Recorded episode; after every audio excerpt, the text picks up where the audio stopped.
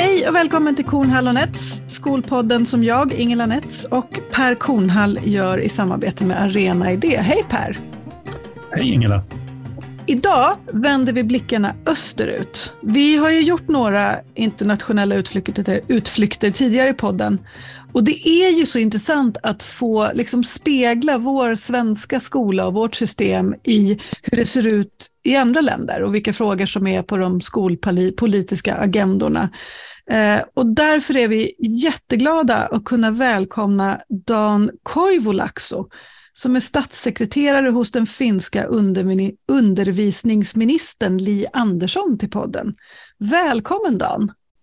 Tack så mycket, kul att vara med er, med er idag. Jätteroligt. Finlands sak är vår, brukar vi ju säga i Sverige, men frågan är om det gäller även skolan.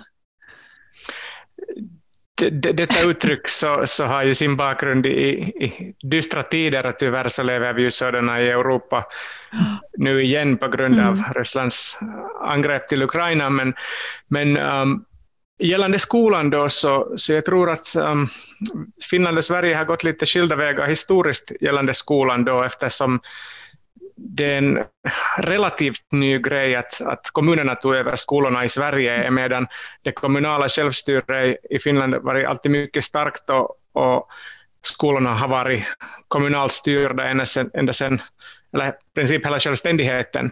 Och, och uh, det här är en stor skillnad då att, att vi har inte haft någon sån här Liksom, som överförning av skolorna till, till kommunerna och det, det, det, är en stor skillnad mellan Finland och Sverige. Uh, sen har vi ju inte någon sån här fritt skolval eller, eller friskolesystem som Sverige har, vilket då är nyare i Sverige förstås också, men, men det, det är en stor skillnad. Och, och vi har i Finland har vi förbud på vinst i skolan. Det, det, det finns några enstaka privata skolor som främst någon sorts äh, pedagogisk inriktning, till exempel Steinerskola eller, eller något sådant. Och, och sen har vi några statliga skolor som har att göra med ähm, lärarundervisningen och att de är äh, äh kopplade till universiteten där lärare utbildas och sålunda är äh, de här ähm, övningsskolorna eller, eller, eller, eller vad man ska kalla dem för, kanske övningsskola är bästa, mm. för, så är, är sålunda statliga, men att, men att för övrigt så är alla skolor kommunala.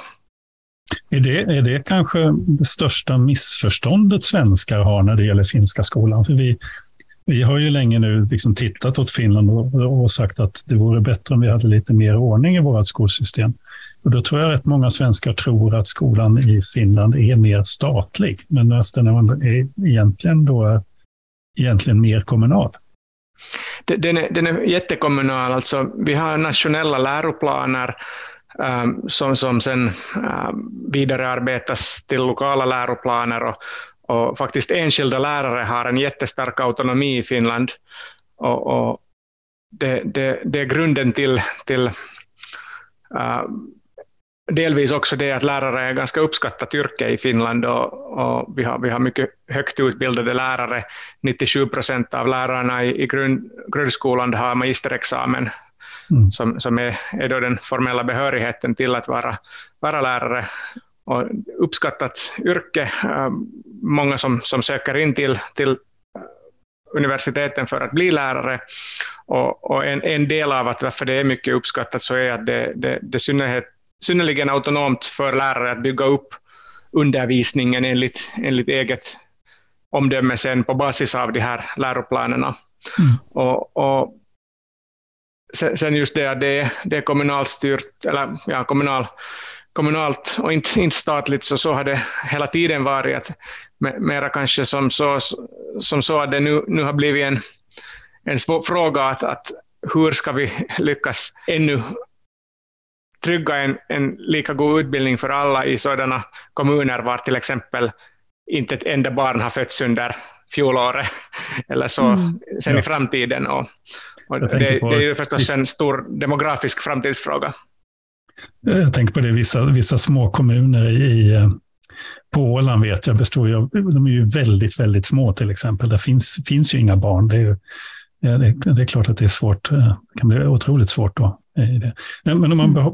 stannar kvar där vid lärare, vet, vet du vad lärarbehörigheten är i Sverige jämförelsevis? Du sa 97 procent i Finland. Jag har för mig att den ligger kring 80 procent eller så. Ja, ja, men precis. Det är där. 78-80 procent. Ja. Ja, jag, jag tänkte på en sak, för, för då säger man att skolan är kommunal, kommunal i Finland. Men det är ju ändå så att ni har ett, ett nationellt lönesystem för lärarna. Eh, alltså ett, ett, så. I Sverige är ju, är ju lönesättningen helt decentraliserad ut till, ja egentligen ofta ut ända till de enskilda rektorerna utan ett nationellt lönesystem. Men så där på den, för att hålla sig kvar vid läraryrket, på den dimensionen så är ni ju annorlunda. No, jo, precis. Det här, det här gäller då sen, sen um, um, hela vårt arbetsmarknadssystem och, och kollektivavtalens roll i Finland som är den är kanske lite striktare än, än i Sverige och, och, och mer bindande, det, det nationella kollektivavtalet i största allmänhet. Och det betyder det att vi har, vi har ett normalbindande kollektivavtal för kommunala branschen, det vill säga det, det nationella avtalen binder, binder alla kommuner, men det, det är dock ett, ett minimiavtal att, att kommuner kan höja på löner, till exempel om det finns arbetskraftsbrist, till exempel i, i, i förskolan eller i, i, i det här, um, ja, till exempel förskolan då, så huvudstadsregionen hade varit kraftig brist på, på förskollärare och, och, och då har, har staden gått in, det vill säga staden, kommunen, samma sak i huvudstadens i fråga om huvudstaden uh, gått in för att, att självmant höja, höja lönerna över kollektivavtalet och det är dock alltid möjligt. Mm. att det, det är liksom som så att det är ett minimi som, som det här nationella avtalen tryggar och, och sen är det upp till arbetsgivaren eller att, att, att, att definiera den exakta lönen. Mm.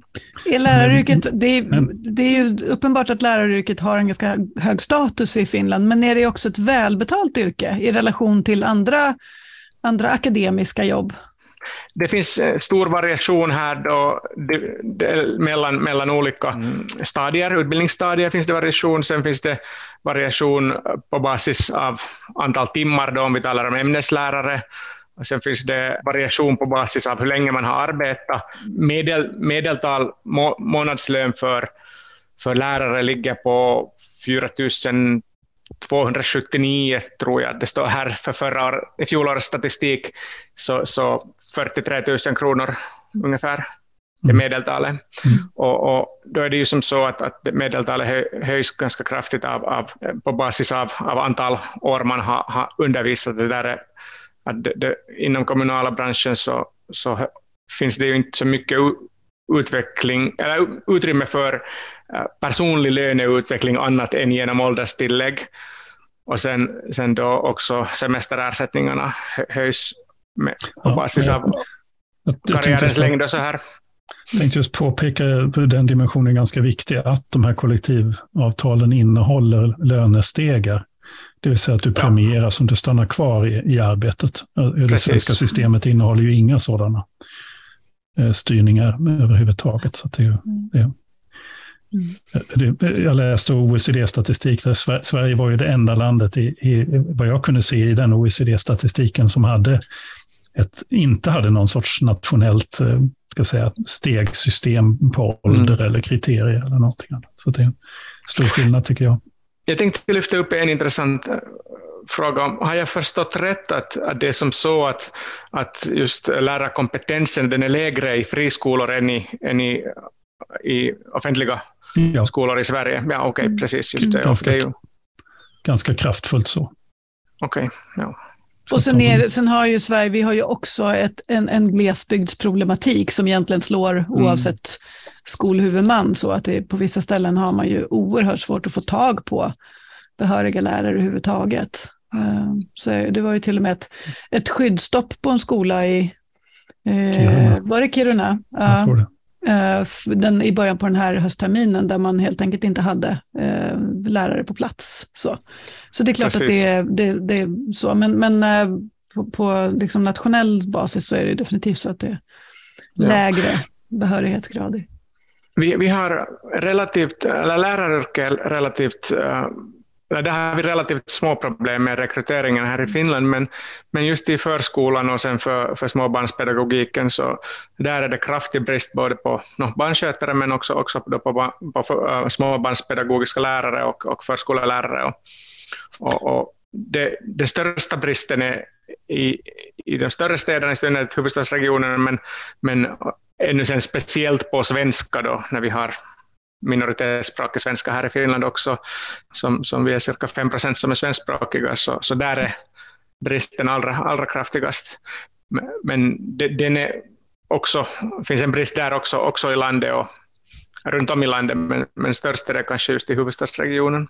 Mm. Hur, hur, hur stor andel av lågstadielärarna, eller inte lågstadiet, eh, förskollärarna är behöriga? Eller, så säger det? Mm, det här måste jag faktiskt kolla upp. Jag har inte, jag har inte riktigt ja, det, exakt, ja. eller liksom up-to-date statistik på den frågan, men, men där är det ett betydligt mindre antal än, än, än det här 97 procenten mm. som vi har i grundskolan.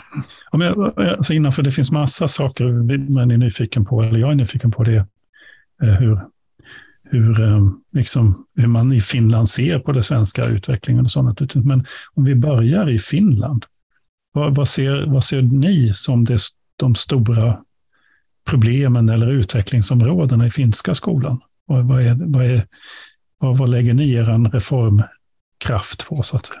Ja, vi, vi, är ju nu inne på slutrakarna av vår mandatperiod i regeringen och, och sedan 2019 så har vi trots pandemin gått in för att göra ganska stora reformer i, i det finländska utbildningssystemet och, och vi är ganska stolta att ha lyckats med det trots, trots pandemin och alla, alla utmaningar som det innebar för, för skolan och, och för samhället. Och en av, eller den största grejen vi gjorde var, var att vi um, höjde äh, den här läroplikten till, till 18 år, det vill säga där tidigare så, så var den, gick den på 17 men att man avklarade också sin läroplikt med att gå ut nionde klassen. Så nu höjde vi den till i princip 12 år då från, från 9 år.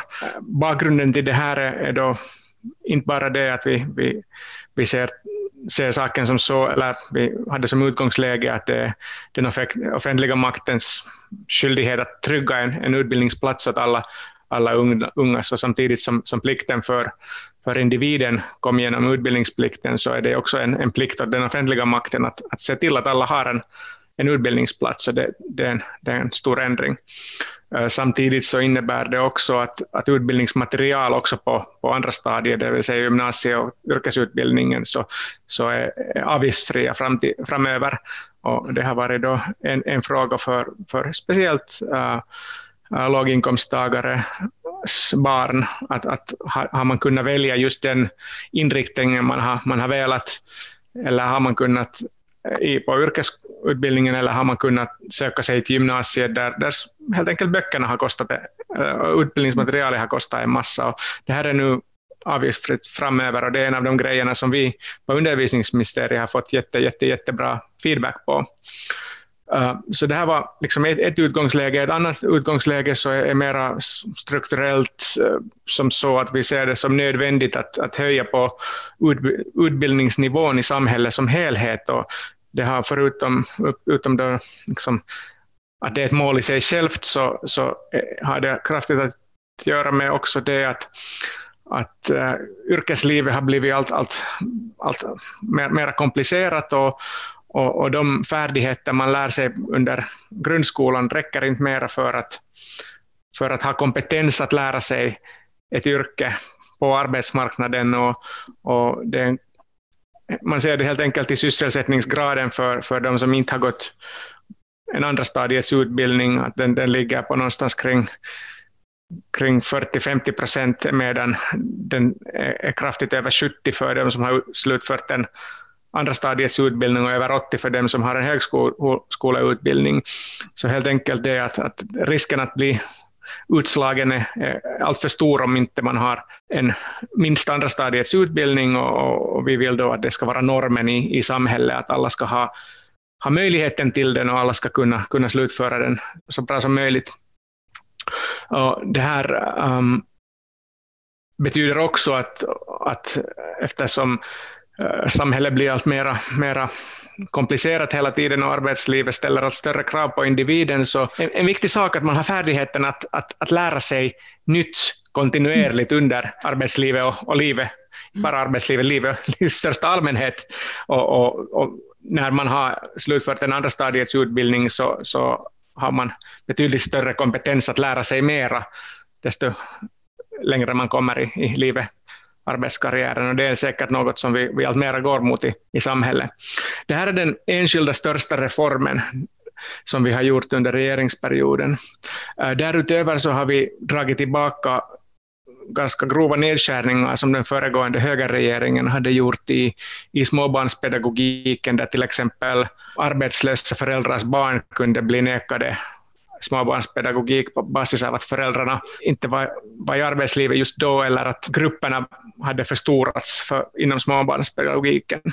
Sen den tredje stora permanenta satsningen vi har gjort så har varit på att också sån här rådgivning, psykosocialt stöd och, och, allt möjligt annat så har vi lagt till resurser på i samband med att vi, vi förlängde läroplikten så att alla ska få det stöd också som de behöver det här har varit de tre största kanske och därutöver så har vi, har vi gjort stora satsningar på ökad jämlikhet och, och kvalitet inom både småbarnspedagogik och grundskola. Och det här har varit no, projektpengar som man kan kritisera att de inte kon, kon, liksom fortlöpande finansiering, men, men det har varit nödvändigt att, att, att göra sådana här satsningar också, helt enkelt på grund av det, det faktum att under de senaste tio åren, 2010-2019 däremellan, så såg vi tyvärr eh, 20 miljarder kronor, 2 miljarder euros nedskärningar inom utbildningen i Finland. Och det är någonting vars resultat vi kommer att först se på sikt och vi har kanske lite börjat, börjat ana något, något av vad det kan leda till när vi kollar på, på PISA-resultat 2018 eller så här. Och, och, och förutom då de här enskilda stora reformerna jag nämnde och att vi har gjort de här satsningarna på, på jämlikhet inom undervisningen så, så har vi helt enkelt då vänt utvecklingen inom finländsk utbildningspolitik och, och det är kanske det stora löfte den här regeringen har gett och, och, det kommer att bli en stor fråga inför riksdagsvalet som mm. kommer att vara den 2 april. Just det. Kan vi bara, innan, innan vi, det finns jättemycket spännande att gräva vidare i det, men det här med läroplikt. Jag tycker i Sverige så pratar vi, vi har ju skolplikt eh, och man, jag tycker man hör ganska ofta ah, det vore mycket bättre om vi hade som i Finland med läroplikt. Förklara, vad, vad, vad innebär läroplikten så att vi förstår vad som är skillnaden mot vår svenska skolplikt? I praktiken så är skillnaden väl enligt hur jag förstår det ganska oexisterande, men, men uh, i teorin så kan man också fullborda sin läroplikt genom till exempel hemundervisning eller, mm. eller så, men att det, det, är ju mer eller mindre ett ska vi säga, på samhälleligt plan oexisterande fenomen, för det är så sällsynt, men att, att man, man, har inte, man är inte tvungen att gå till skolan utan att fullborda sin inlärning och föräldrarna har juridiskt ansvar för det. Mm. Jag, jag, brukar säga när, när folk lyfter det just att det är, jag uppfattar det inte som att det är någon skillnad i praktiken. Sen kan man ju Precis. tycka att det är filosofiskt intressant att diskutera mm. det, men i praktiken så innebär det ju väldigt mycket samma sak. Eh, också intressant med de här konsekvenserna då, att när man förlänger läroplikten så förlänger man statens ansvar. Eh, jag vet att det gäller ju också... Ja, eller kommunernas ansvar. Eller kommunernas ansvar, mm. ja. Eh, det, det offentligas ansvar. Ja, precis. Eh, då till exempel då läromedel och en sak som jag lärde Jag var i Helsingfors i fredags och, okay. förstod just det där med, med, med, med, läromedel. Det hade jag inte förstått innan. Då. Det innebär ju att det offentliga också ställer upp med de resurserna. Då. Mm. Att man tidigare då köpte eh, själv läromedel när man gick på i, i, i gymnasiet eller andra stadiet som ni säger. Ja. Men jag är jättenöjd, och annars så liknar det här rätt mycket Sverige. Vi har också diskussioner om att förlänga eh, skolplikten då, så att den varar gymnasiet ut. Vi känner igen det här med, med små barn, alltså med förskolan och diskussioner kring om arbetslösa ska och så vidare. Och problemen som uppstår i, i våra ut, så kallade utanförskapsområden Mm. Eh, när, inte, när föräldrar är utan arbete, när deras barn dessutom inte går i förskolan, så lär de sig ännu mindre språk. Och så. Den diskussionen är väldigt levande i Sverige. Men det som jag är lite nyfiken på, som vi inte pratar mycket om i Sverige, det var det du sa om rådgivning. Alltså att ni då i, i, just i andra stadiet har satsat mer på rådgivning, för det är någonting som har flugit väldigt mycket under radarn i Sverige. Det, det, alltså om vi backar tillbaka när skolan blev kommunaliserad i Sverige, då var det ju tre tjänster som var statliga. Det var lärarna, det var rektorerna och så var det rådgivarna, alltså yrkesvägledarna. Och sen dess har de liksom blivit färre och färre, de får fler och fler elever på sin lott och så. Men hur har ni tänkt och hur, är det, hur fungerar det systemet? Precis, ja. jag måste genast ta, ta upp någon, en, en, rolig detalj då, för vi kallar det för studiehandledningen här, för det som, som vi kallar rådgivning i Finland är det som, som uh, gäller för gravida kvinnor och barn under två år.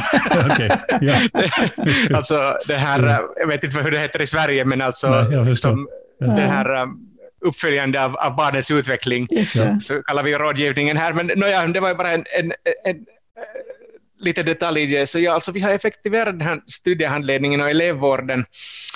Uh, både i grundskolan då, där, så att, att elever ska ha en tillräcklig förberedelse inför utbildningen på andra stadiet och, och liksom få det stöd i, i liksom att välja rätt bana för sig mm. själv. Det är ju inte, inte så sällsynt att, att, att byta bana, i synnerhet inte inom yrkesutbildningen, byta från bransch till annan, men, men då att, att försöka se till då att alla ska få en, en tillräcklig det här, no, handledning. När, i, i, det, I detta så, så har varit, varit en av, av de viktigaste grejerna att se till vid sidan om den här uh, höjningen av, av läroplikten. Sen en, en annan stor fråga så är just den här elevvården, så det, det är kanske det här mera, mera psykosociala som, som det finns stora krav på. Vi har också satsat ganska stort med sån här så kallade coronastöd för att mm. se till att, att, att för många barn under den distansundervisningen så, så, som klarar sig bra, så klarar sig framöver också bra och har klarat sig sedan dess bra. Men sen en del av dem som, som hade det svårare i skolan så har haft det ännu svårare, eller en, en, medan de som har klarat sig så där mittemellan så har kanske en del fallit, fallit också till, till, till den gruppen där, där elever klar, klarar sig sämre. Och då har vi försökt att satsa också på att, att få, få personal anställd i skolorna för att, att nå upp, upp eller kunna stödja alla elever i att, att nå upp till den nivå som, som de kan. Men det här leder till en, en, en annan fråga som är mycket stor utmaning och kanske en av de största utmaningarna för kommande regeringsperioder och det är det här individuella stödet för inlärningen att eh, eftersom no, utbildningen, undervisning baserar sig på inklusion och alla, alla elever går i samma klass i princip, så kallade särklasser eller annat som tidigare har, har funnits, så ytterst sällsynta och så här. Utan, men, men samtidigt så har det inte satsats tillräckligt, utan det här inklusionen av att alla, alla barn går, går i samma, samma, samma klass, så, så har lett till att alla barn inte får det individuella stödet de behöver för sin inlärning. Och det här är något som, som Lärarförbundet här har, har varit ganska aktiva med nu och nästan eller liksom en överväldigande majoritet av lärarna tycker att det inte fungerar i praktiken det här systemet eftersom det inte finns tillräckligt med stödresurser i skolan för då inlärningssvårigheter. Och det här är något som behöv, kommer att behöva massiva resurser under följande regeringsperioder som, som vi inte har lyckats kanske fixa i den, den mån som, som det skulle finnas behov till. Och det, det, det är någonting som, som kontinuerligt bör arbetas vidare på. Att vi har haft de här projektpengarna för, för jämlik, jämlikhet och att förstärka jämlikheten i skolorna och det har varit mycket motsvarande arbete som, som behöv, behövs framöver också då för det här stödet och, och det här är någonting som mitt parti till exempel kommer att gå till val på ganska stort. Mm. Om, om man nu backar tillbaka till, den här, ja. till Sverige, Sverige-Finland. Hur ser ni på eller det är egentligen en fråga till dig naturligtvis. Men, men, men, men om man formulerar den så, för det kanske kan ut, ser man i Finland på, på svensk skolpolitik. Vill ni, vill ni också ha eh, friskolor och aktiebolag i skolan och vinster och, och ingen offentlighetsprincip, ingen insyn i skolors verksamhet. Och så. Vill, vill ni ha vårt system? No, här, jag tror att jag kan tala för en bredare publik än mig själv, eller för en bredare grupp än mig själv, att det är ingen som har föreslagit det i Finland att vi ska införa ett friskolesystem. Inte ens äh, Samlingspartiet eller liksom högerpartierna har, har, har föreslagit något sådant. Så, så det, det finns nog in, inte någon överhängande risk för det, tror jag. Däremot så har det varit en politisk tvistefråga att, att huruvida småbarnspedagogiken ska kunna vara vinstindrivande och det kan den i dagsläget vara i Finland. Vi har under den här perioden så har vi Tidigare hade endast krävts en anmälan för att man ska grunda en, en, en enhet för småbarnspedagogik. Äh, förskolan är då, mm. den jämställs med, med, med grundläggande utbildningen, så där kan man inte ha, ha, ha, ha vinstbringande verksamhet, men, men i, i småbarnspedagogiken har man, har man kunnat det, och, och, eller dagisarna. Och, och nu för tiden så, så är det tillståndsbelagt att man måste ansöka om tillstånd istället för att bara skicka in en anmälan. Och det, här är, det här är något som, som vi, vi har infört nu den här perioden. Och är det då kommunen som ger tillstånd eller är det en statlig? Det, det vad heter det nu, regionalförvaltningen som är en statlig okay. mm. enhet, äh, instans. Och, och, bara så att jag förstår skillnaden där, alltså, småbarnspedagogiken, alltså vad, vad, är det riktigt små barn vi pratar om då? Vad är skillnad då mot förskola som du sa ingår på något vis i? Eh, för, förskola är bara det sista året innan Aha, grundskolan. Det är motsvarande vår förskoleklass, alltså sexåringar kanske? Precis, ah, ja, okay, precis. och småbarnspedagogik okay. så talar jag främst om 3 till 5-åringar, ah, men, okay. men också 1 till 3-åringar. Just det, ja men då så. Mm. Men, vi måste stanna kvar vid det här, för att det här är också intressant med, med eh, hur, hur eh, Finland och Sverige har, har liksom valt olika vägar. Vi träffade ju bland annat Passi Salberg i podden för eh, en tid sedan. Och han, han kunde ju lite sådär med ett leende säga att ja, nej, men vi tyckte väl kanske att vi låter Sverige göra eh, misstagen först och sen bestämmer vi oss för om det här verkar vara en bra idé eller inte. Är det liksom, är det så man resonerar i Finland? Eh, när man tittar på svensk skola, så där, att nej, men vi låter de där lite galna kusinen i väster få, få, få, få pröva alla, alla saker först och sen, sen bestämmer vi vilken väg vi ska gå. Eller är det bara våran liksom, bild av jag tror att historiskt sett så har en stor del av, av samhällsutveckling och utbyggnad av välfärdsmodeller och så vidare, så i Finland följt Sveriges exempel. Och mm. Det finns ju en viss analogi, till exempel fritt vårdval, så, så var ju någonting som, som ni har i Sverige som föregående högerregering här i Finland försökte införa, men har, har varit på tapeten i, i flera, flera, flera år. år och den reformen så blev aldrig av förra regeringsperioden på grund av, av no, starkt oppositionellt tryck, men också på grund av modellen som, som då fördes fram var grundlagsvidrig. Och den föll och nu har den här regeringen gjort en regionalisering av hälsovården. Och där har vi faktiskt gått bort från det här starka kommunala självstyret helt enkelt på grund av att de här små kommunerna inte längre kan bära upp systemet för hälsovård och i synnerhet åldringsvården. Så, så vi har nu regionaliserat hälsovården, men det gjordes utan fritt vårdval den här perioden, utan det är ett offentligt system. Och, och här var ett exempel då var, var vi inte följde den svenska utvecklingsmodellen och, och jag tror att, att um, gällande grundskolan så är det nog inte, inte riktigt någon som, som vill att vi ska följa den svenska, svenska utvecklingen. Eh, samtidigt så segregationen så är, är någonting som, no, det var en stor valfråga för er i Sverige och, och, och det, det, det, är säkert något som, som här också kommer att talas allt mer och mer om. Mm. Att um, tills vidare så har vi på OECD-nivå, uh, om jag har, inte misstar mig, så har vi, har vi kanske de minsta skillnaderna, skillnaderna emellan skolor i landet, liksom så att det, uh, systemet utbildningssystemet, skolsystemet i Finland är mycket, mycket jämlikt ur den synpunkten, men att, att klyftorna inom skolorna har, har vuxit. Och, och, det är ju någonting vi vill åtgärda samtidigt som vi vill upprätthålla den här jämlikheten mellan, mellan, mellan skolor. Och, och det kräver då stora satsningar på, på områden där det finns större arbetslöshet eller mer utsatta områden eller, eller liksom mm. områden där en större andel talar något annat språk än finska och svenska som modersmål och, och så vidare. Och, och, här igen så tror jag också att, att då samhällsutvecklingen i Sverige har varit sådan att den, no, den, den, den talas om i, i Finland lite, ska vi säga, på basis av bristfällig kunskap, ofta inom politiken, men samtidigt så kan vi säkert säga att segregationen har ökat i Sverige så kraftigt att, att det är ytterligare ett exempel som vi vill, vill undvika med, med hjälp av vår utbildningspolitik. Mm. Och, och mm. vi vill satsa stort på att utbildningspolitiken ska också vara ett medel för att undvika segregation, och det är i alla fall ett av, det, det är jättespännande, för när jag, när jag tänkte igenom det här samtalet så såg jag att vi, vi har ju egentligen tre riktigt stora problem med det svenska systemet, framförallt grundskolan. Då. Eh, och det ena är ju segregation.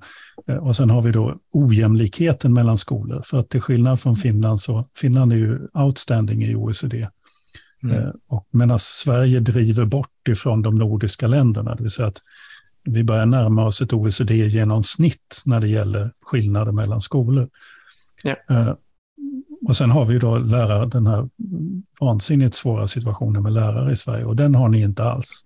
Ni har alltså inte problem med ojämlikheten, ni har inte problem med lärarförsörjningen. Jag tror att de där sakerna faktiskt hör ihop i väldigt hög grad. Men sen finns det ju segregation på grund av bostäder.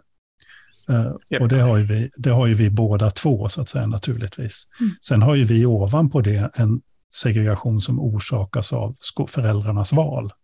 Det vill säga att man väljer bort uh, de här skolorna i de tuffare områdena. De som, som är mer utbildade eller är mer välbeställda eller mer svenskfödda, så att säga, väljer bort de andra ungarna. Så, så vi har ju en extra effekt på segregationsdimensionerna i samhället. Men när det gäller just de här utsatta områdena, då tycker jag ändå det är lite spännande att man nu i vissa svenska kommuner, som vi har haft flera program från, med folk utifrån det som heter Järvafältet, mm. alltså de utanförskapsområdena i Stockholm, Tensta och Husby och, och så, där ju man på grund av bra skolpolitik i Stockholms stad nu ger de skolorna så pass mycket resurser så att de får faktiskt väldigt bra resultat givet förutsättningarna de har. Och det är väl lite grann i linje med det du säger, att, att segregationen finns kanske i samhället, men det som faktiskt måste göras då är ju att man ger de resurserna som behövs så att inte det här skadar samhället. Och där kommer jag, in, och där kommer jag egentligen in på den, för du skrev lite grann om det, Ingela. Egentligen, du skrev en fråga om att, att vi har varit så vi har tagit, så att säga, den nord, i Sverige har vi tagit den här nordiska samhällsmodellen och likvärdigheten så för givet.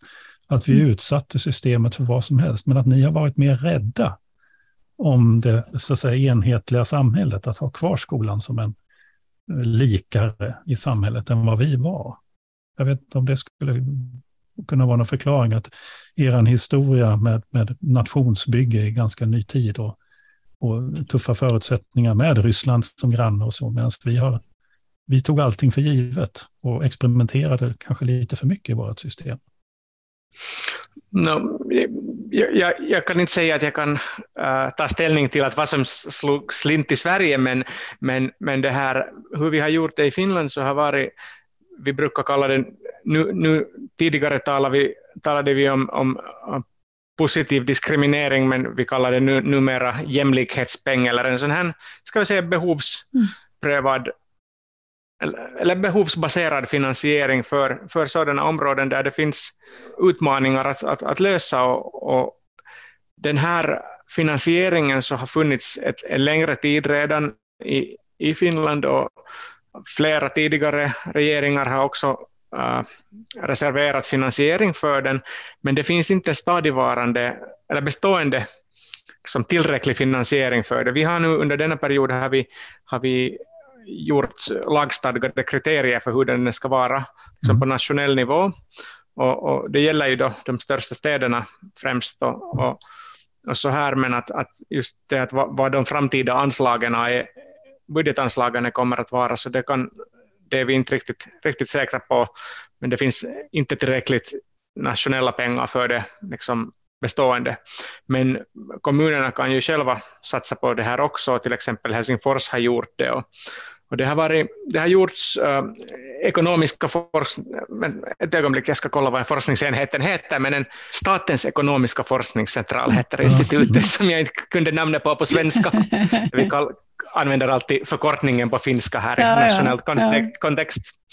Ganska ingående liksom, ut, undersökningar om att, att det lönar sig mycket, mycket, mycket mm. kraftigt att göra de här satsningarna och att äh, de befolkningsgrupperna som drar största nyttan av det här så är flickor med um, invandrarbakgrund och, och um, liksom pojkar med, med inlärningssvårigheter med finländsk bakgrund.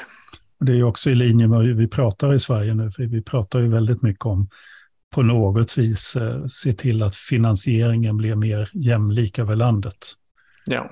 Mm. Jag, jag, måste få, jag, jag, tänker att, för vi, vi, var ju, vi nosade ju på det här just att, att Finland, ni har ju, ni har ju liksom, uh, ja men ändå krigserfarenheter i, i, i liksom modern tid som, som ligger starkt liksom i, i, i kulturen och i människorna. Och, och ja, min, min lite hemsnickrade idé är ju då att det gör att man också värnar och vårdar både demokratin och, och likvärdighet och så starkare.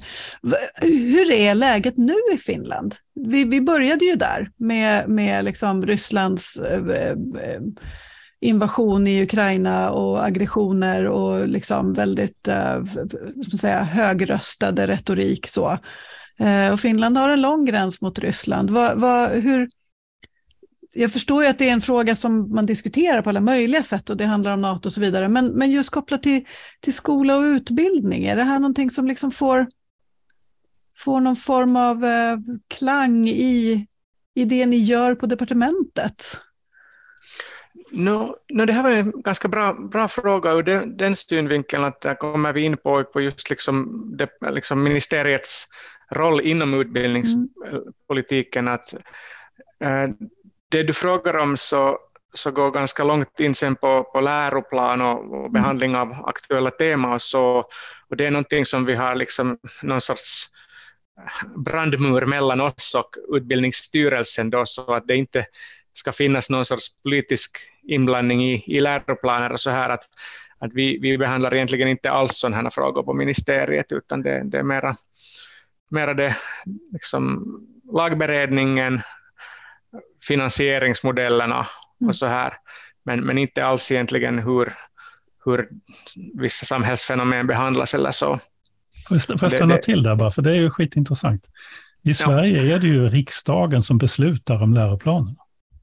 Ja, just det, och det, det har mm. vi nog inte, utan det, det är utbildningsstyrelsen som... Mm. Det, det, det, är en enhet som underställd princip ministeriet, men det är en fristående enhet mm. och, och liksom en självständig enhet med egen styrelse och så och, och, och läroplansarbete dras av dem tillsammans sen med liksom pedagogiska experter. Att där har vi inte, inte någon roll i det.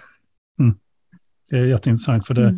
där vill ju svenska, ur lärarsynvinkel så vill ju svenska politiker hela tiden in i läroplanerna. Mm. Eh, och har ju möjligheten att göra det via att det faktiskt är regering och riksdag som fastställer läroplanerna. Mm. Ja. Eh, det, är, ja, det är en intressant skillnad. Ja ett tema som vi inte har snackat om alls, men, men vi har varit inne på det här med friskolor och, och snackat lite om, om, om stor autonomi för finländska lärare och så här, mm. men, mm. men eh, det, det systemet vi har, så det, det är många som överraskas av att jag säger att det baserar sig helt och hållet på, på liksom tillit och, och mm. starka institutioner och så här. Att vi har ingen skolinspektion och det här är något som många, många brukar bli överraskade över att höra att att det är någonting som, som, som vi har saknat helt i Finland.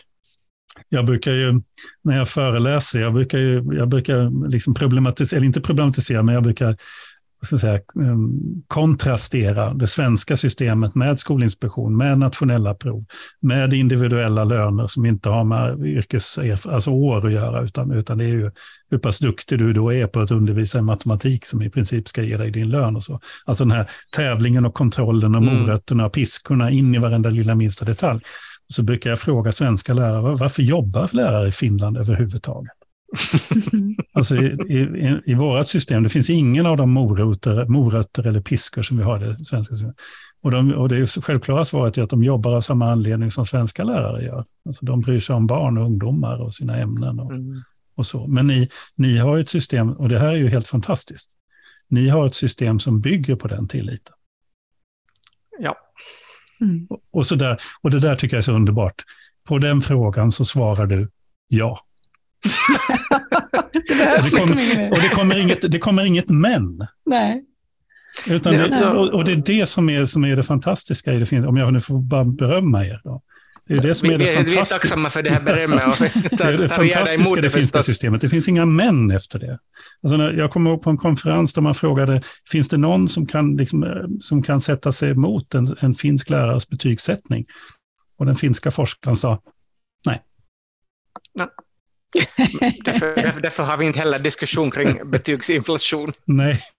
Men om, det, det, där är ju ändå, det är jätteintressant. Om, om, man vänder på det så här då, för att vi, ja, vi suckar ju lite över Skolinspektionen i Sverige och tycker att de, de liksom, eh, eh, hänger som, som liksom misstänksamma eh, kontrollanter över axlarna på, på både lärare och skolledare. Så. Men vem, vem bevakar den enskilda elevens intressen i, i Finland? Du, du var inne på det här att det liksom ändå ganska alltså, en, då, tufft för elever som inte liksom, eh, tar sig vidare i skolsystemet och, och eh, som, som riskerar att hamna i utanförskap och få svårt att få jobb och så vidare. Finns det något motsvarande eller är det också byggt på en tillit att lärarna och skolorna liksom vill, vill ta det ansvaret själva? No, här kommer vi in på sen mera allmän lagstiftning. Um, i den bemärkelsen att, att rektorer är ju tjänstemän mm. och i sista hand så är det ju rektorn som ansvarar för de besluten som en enskild skola gör. Och, och uh, då, då, finns det sen allmänna liksom, ombud kring den frågan som man kan vända sig till att, att, att alla, alla offentliga ämbetsmän så, så övervakas ju av justitie ombudsman sen och, och så vidare. Att det, det, finns den vägen som är förstås då, då ganska lång att gå. Sen beroende på då att uh, hurdant stöd man behöver. Att sen när vi går in för, det finns, vi har tre, tre olika nivåer av stöd. Att sen den, den, den tyngsta nivån av stöd så, så kan det handla redan om, om, om diverse liksom, grundrättigheter, om man överhuvudtaget liksom, trygga möjligheten till undervisning, medan sen annars kan det handla om, om, om mindre stödundervisning och så här. Och, och, och, då är det kanske via, via de, här, de här vägarna sen, om inte dialog med, med då lärare, rektor hjälp, gäller, så, som, som man kan sen gå in på, men då är det, då är det inte liksom skolan som inspekteras, utan det är det beslutet som den individen har fått av en mm. tjänsteman. Mm. Vi, vi kanske, för vi, vi, vet att du har lite kort om tid, vi kanske ska ja, försöka avrunda. Okay, no. men, men en fråga bara till dig.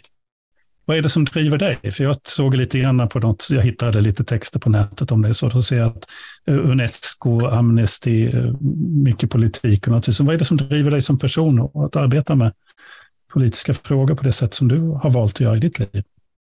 Gammal vana, jag har gjort det så länge. Nej, nej, det här, någon sorts eh, ja, så, så, strävan efter social rättvisa. Det är ju kanske då också det att man har haft möjlighet att få så liksom, bra utbildning och allt möjligt annat, så det har varit jättefint att få jobba med, med utbildningsfrågor under den här regeringsperioden då, eftersom som vi har varit i en tid där det har varit så kraftiga nedskärningar i, i utbildningspolitiken, eller utbildningen i Finland. Vi har fått, fått vända på, på, på steken här, så det har varit i sig ytterst motiverande och att, att, att liksom få satsa på jämlikheten i utbildningen. Så, så det är något som, som har ja, gjort det jätteroligt att gå till jobbet varje dag.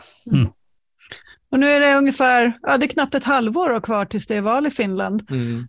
Um, vad, vilka är, sådär, just nu, vad är, vad är chanserna eller förutsättningarna att, att ni får fortsätta och, och det ni har påbörjat eller hur ser det ut i, i debatten just nu?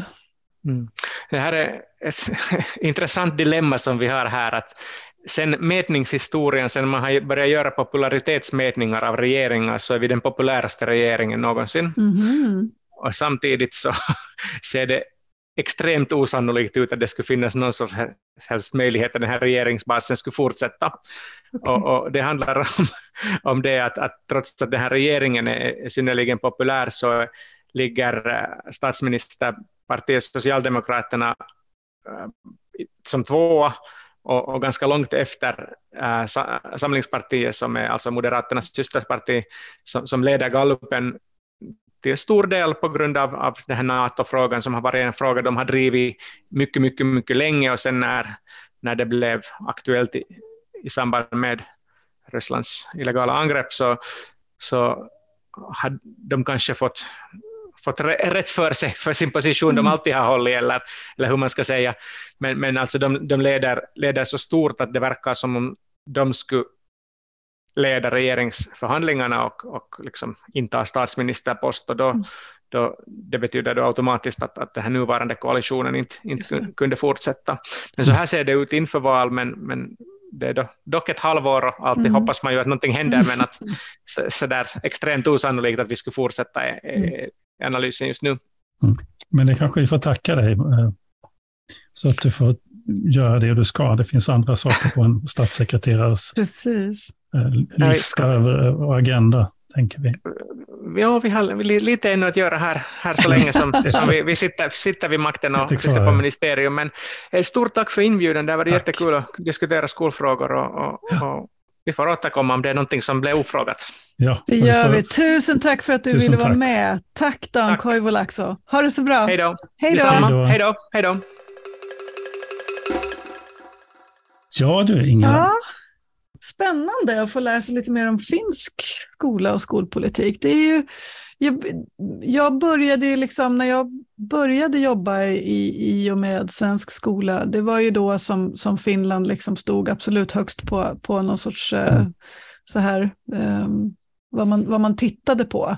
Men, men eh, ja, jag, jag har nog missat ganska mycket tror jag av, av vad som faktiskt mm. sker i Finland. Jag har ju följt med mm, av olika anledningar. Mm. Inte, inte jättenära, men jag har ju läst en hel del och, mm. och så. Pratat med folk. Mm. Uh, jag tycker det är så fascinerande när de då gjorde den här, när, när de upptäcktes i PISA, att de hade mm. så höga resultat och, och mm. likvärdigheten var så hög. Så var det så spännande, apropå hans avslutning, för det är ju det som tar mig ändå, det här, de här ja, Mm. punkt, nej, mm. punkt svaren mm. på de här frågorna. Som är, som är, helt, alltså det är bara så fascinerande. Mm. Och det knäckte ju totalt amerikanerna. För det var ju så att mm. det landade ju alltså ett flygplan i veckan, minst, från hela världen med, mm. med liksom regeringar och skolforskare och sånt som ville titta på Finland, vad de mm. gjorde. Och de som då kom ifrån liksom den anglosaxiska världen som var vana vid, vid prov och tester och morötter och piskor och sånt där i sina system, de fattade absolut ingenting. Nej.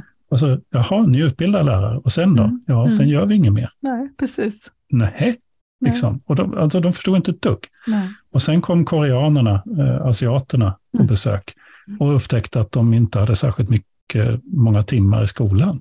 Nej. Och att de dessutom inte hade jättemycket läxor. Och det mm. blev, för de hade läxor, alltså, mm. de har inte haft någon läxdiskussion som i Sverige. Så, men, men de, har, de hade ju läxor, men, men inte särskilt mycket, utan man var mm. mån om om elevernas fritid och så. Och de fattade inte heller någonting. Nej. Det, det är ganska roligt. Mm. Faktiskt. Ja, men, ja, och, och, man drar ju gärna parallellen då till för vi pratar ju oerhört mycket och har gjort så länge i Sverige om att man, vi liksom måste återupprätta lärarnas status mm. och att det måste vara ett attraktivt yrke. Det är liksom, mm. vi, vi vet ju hur statistiken ser ut nu med läraravgångar och, och bristen som kommer. Liksom, den kommer vi, vi, vi kommer ju få enorma problem och om, om vi kunde höja läraryrkets status så skulle vi i alla fall kanske få lite bättre förutsättningar att, att hantera mm. den situationen. Men, men det är också lite så här, hur gör man det? Alltså, det är liksom, det, vårt grannland, där har, man, där har det på något sätt blivit så inbyggt i, i liksom folksjälen att så här, kan, kan man kritisera och påverka sitt betyg? Nej. Det är, liksom, det är, det är läraren som fattar besluten, ja. punkt. Uh, och det finns en stor respekt i det och, och uppskattning. Mm. Så. Um, Men det beror ju också på att läraren är en tjänsteman. Alltså den situation ja. som det uppstod på, på de här skolorna som nu har varit i, i pressen, där, där lärare har satt betyg och någon annan har höjt betygen. Mm. Mm. Så det, det är ett tjänstemannabeslut som mm. fattas med liksom, mm. så. Det är fullt förtroende och det finns mm. ingen, inga konkurrens, liksom, det finns inga betygsinflationsdrivande, Nej. Nej. Liksom så, förutom möjligen då att föräldrar skulle vilja ligga på. Just det eh, inför gymnasieval mm. där betygen mm. Har en, en, mm. är en del av, av det, det finska antagningssystemet. Men, mm. men det är också den enda drivkraften i systemet mm. för betygsinflation. Det finns ingen mm. annan. Nej. Nej, men jag menar ju att skulle man titta på det, det är ju ganska eh, på allvar att göra om ett, ett lönesystem och sen så och, och låta så att säga, lärarna få arbetsvillkor så att de det, man får gå, gå, tillbaka till den där skolkommissionen från 1946 som skriver mm. att om man bara staten ger liksom en skälig lön och skäliga arbetsförhållanden så kommer mm. det aldrig saknas folk som jobbar som lärare. Nej. Och jag tror fortfarande det är ja. sant. Men sen är frågan hur man tar sig från där vi är till Just ett det. sådant tillstånd. Mm. Och, hur, och kan man då behålla de här marknadselementen och konkurrenselementen mm. i systemet? Det är det jag mm. tror man verkligen behöver ta sig en, mm. en tankeställare kring. Mm. I alla fall i, i det, det helt offentliga systemet. Ja. Nej, men jag tycker det var jättespännande. Ja, verkligen. Jätteintressant. Och, så det, och det, nu hann vi inte fråga om det, men, men jag tycker att det är så... Eh, jag gillar ju att, att eh, Li Andersson, eh, som är ministern, eh, är undervisningsminister. Mm. Eh, och samtidigt så, så var ju Dan mycket tydlig med att det, man är inte inne och petar liksom i vad, som, vad det undervisas om eller på vilket sätt. Men ändå så, så säger ju ordet någonting om vad som är liksom kärnan. Så. Men, men, men då är du där igen i det här läroplikt, skolpliktsträsket, är det ja, inte det? Ja, du, du kanske. Ser, du ser någonting i ett ord ja, ja, som visst. betyder någonting för oss. Och sen i själva verket så är det så att det är tvärtom. Då. Ja, precis. Men det är också, ja. det är också en jätteintressant skillnad. Ja. Alltså undervisningen är professionens och, och, och Utbildningsstyrelsen är då så att säga professionens myndighet. Mm. Eh, det är inte mm. riksdagspolitikens liksom lek, lekstuga då. Eh, att gå in och ändra på betygssystem och Nej. kursplaner och läroplaner och, och så. Det, det, det, och som han sa, det finns en brandvägg, det är en medveten, mm, ett medvetet avstånd mm. från ministeriet till, mm till de här undervisnings... Alltså mm. undervisningsministern lägger sig inte i undervisningen. Nej, just det.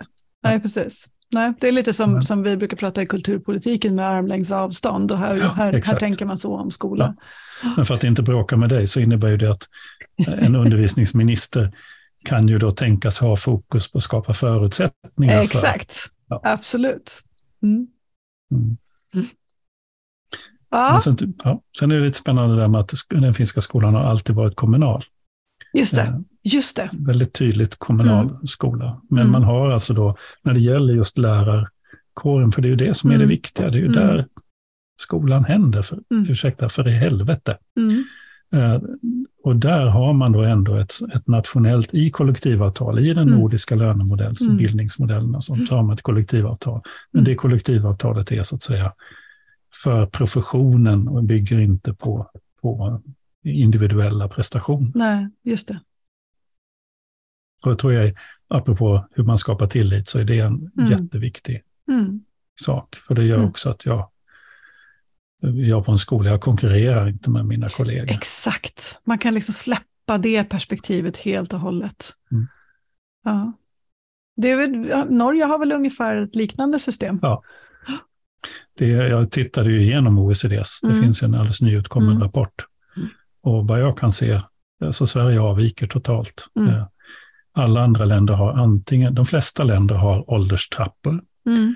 Rätt många länder har ålderstrappor kompletterat med, med någon typ av olika meritering som man bygger ofta på utbildning mm. eller på kriterier. Mm. så finns det några länder som har bara meriterings eller kriterier. Mm. Men det är, liksom, det är fastslaget och tydliga ja, trappor som man liksom kan välja att gå in i i, i sin karriär. Men, men och du säkert, vet när du går in i yrket vad, vad, du liksom vad, som, har, vad som finns framåt. Ja, precis. Ja. Och den nyanställde läraren kommer inte in med 10 000 mer i månaden. Nej. Men den började, den börjar så att säga där du började. mm. ja, mm. Uppräknat för inflation. Ja, precis. Ja, väldigt intressant. Vi får, vi får säkert anledning att återkomma. Vi kanske ska hitta någon, någon eh, norrman att prata med också, ja, eller norrkvinna. Det vore spännande. Ja, jag mm. känner ju en i Oslo. Han ja. ställer säkert gärna upp. Ja. Då har vi, vi har planer framåt. Mm. Det har vi ju alltid i den här podden. Det, mm. finns, det dyker alltid upp nya spännande eh, teman och frågor och namn. Så. Eh, men nu är vi nöjda för idag, eller hur? Det tycker jag. Du har precis lyssnat på ett avsnitt av Kornhall och Nets. Podden som Per Kornhall och jag, Ingela Nets, gör tillsammans med Arena Idé. Eh, hör av dig om du har frågor eller tips eller synpunkter. Vi är jätteglada för de tips vi får då och då eh, på personer som, som ni tycker att vi bör intervjua. Vi, vi skickar ut frågetrådar och ibland får vi napp och ibland får vi inte. Men, men för det mesta så får vi också väldigt, väldigt positiv respons när vi fråga någon om att vara med i podden. Eh, och det är jätteroligt och det är tack vare att ni är så många som lyssnar så att det blir, det blir liksom, man vet att är man med här så, så blir man hörd. Det är värdefullt. Så tack för det. Eh, men vi hörs snart igen. Det gör vi. Ha det så bra. Hej då. Hej då.